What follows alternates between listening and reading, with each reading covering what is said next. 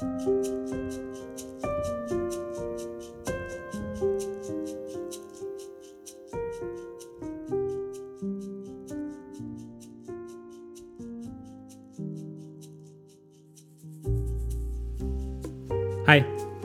du lytter til Spires pod, og navnet mitt er Vidar Mæland Bakke. Jeg vil gjerne komme med et håpsord inn i din hverdag. I Apostlenes gjerninger kapittel 16 får vi høre om misjonærene Paulus og Silas i Filippi. Der blir de satt i fengsel.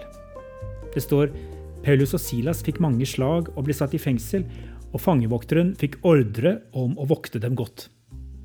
Da han hadde fått denne ordren, kastet han dem i det innerste fangehullet og låste føttene deres fast i blokken. Ved midnattstider holdt Paulus og Silas bønn og sang lovsanger til Gud, og fangene lyttet til dem. Dette er for meg en eksempelfortelling til alle tider for mennesker som er fratatt frihet. Det er nesten en hån mot fengslede og forfulgte kristne å hevde at jeg kan kjenne meg igjen i Paulus og Silas sin situasjon. Det kan jeg sikkert ikke. Men det er nå sånn at fengselet kan være en metafor for mange situasjoner i livet, der man kjenner det er som å være sperret inne i sin egen kropp, sitt eget hjem, fordi man har mistet muligheten til å gjøre alt man ønsker har vært vant til. Sykdom, arbeidsledighet, utbrenthet, koronanedstenging. I dag vil jeg snakke om hvor vi henter motivasjon til å klare dagene ett skritt om gangen. Min erfaring er at når det er lagt betydelige begrensninger på livet vårt, da må vi lete litt ekstra etter det som motiverer oss. Og kanskje kan vi gjenkjenne noen sentrale motivasjonsfaktorer i fortellingen om Paulus og Silas. For de må hentes fram en slags skjult motivasjon i denne situasjonen. Kan vi for det første gå på leting etter en hensikt eller en slags mening i det ganske så meningsløse? Her ligger det enorm motivasjonskraft. Paulus og Silas visste at de var sendt til en verden som trenger frelse. Og med Jesus som forbilde visste de at det kunne innebære å bli en del av menneskers vanskelige livsvilkår. De visste ikke hvor lenge de skulle bli værende i fengselet, men jeg tror de må ha tenkt det er noen her som har det enda verre enn oss. La oss gjøre det lille vi kan.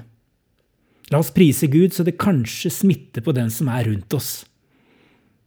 Det ligger mye motivasjon i å løfte blikket og se utover seg selv, Hvilken mening eller hensikt kan du gå på jakt etter i livet ditt i dag? For det andre, det ligger motivasjon i å være fri og selvstendig og ta egne valg. Men det er jo nettopp det Silas og Paulus ikke lenger har mulighet til. Og det er jo der vi kjenner oss igjen, er det ikke? Hvordan kan de da likevel hente motivasjon? Jeg tror det er fordi de tar eierskap til situasjonen. De nekter å være bare offer for omstendigheter de ikke kan styre. Noe kan ikke fengselet ta fra dem, og de leter etter hva, og så gjør de det. I Paulus og Silas sitt tilfelle ingen kunne ta fra dem bønneretten og lovsangsretten, og derfor gjør de det, selv om beina sitter fast og de ikke kan danse. Hva opplever du at du tross alt har mulighet til å eie, påvirke, handle på i dag, og som ingen kan ta fra deg? Kanskje det lille er det som kan gi deg litt livsviktig motivasjon. Og for det tredje, vi motiveres av andre mennesker. Paulus og Silas ble heldigvis plassert sammen. Mange kjenner på ensomhet i disse dager. Fellesskapet er tatt fra dem. Jeg kjenner at det er godt og vondt på samme tid å kjenne på det savnet.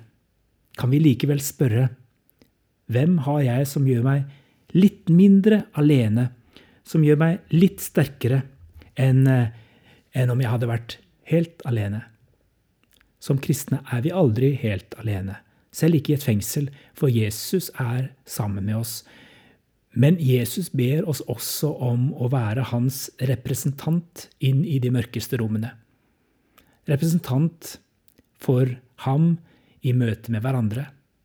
Relasjoner er viktigere enn noen gang i disse koronatider. Hvilke relasjoner trenger deg nå? Og til sist, vi motiveres av å lære nye ting, av å utvikle oss. Det kan være vanskelig å se her og nå, men jeg er overbevist om at de månedene vi nå går gjennom, er en lærings- og modningstid.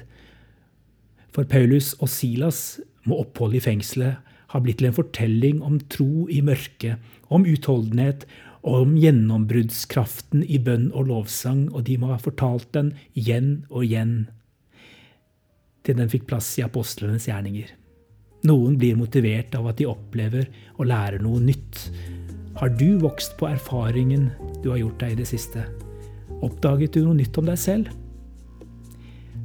Har du faktisk oppdaget Gud på en ny måte i det siste? Ha en velsignet dag der du er.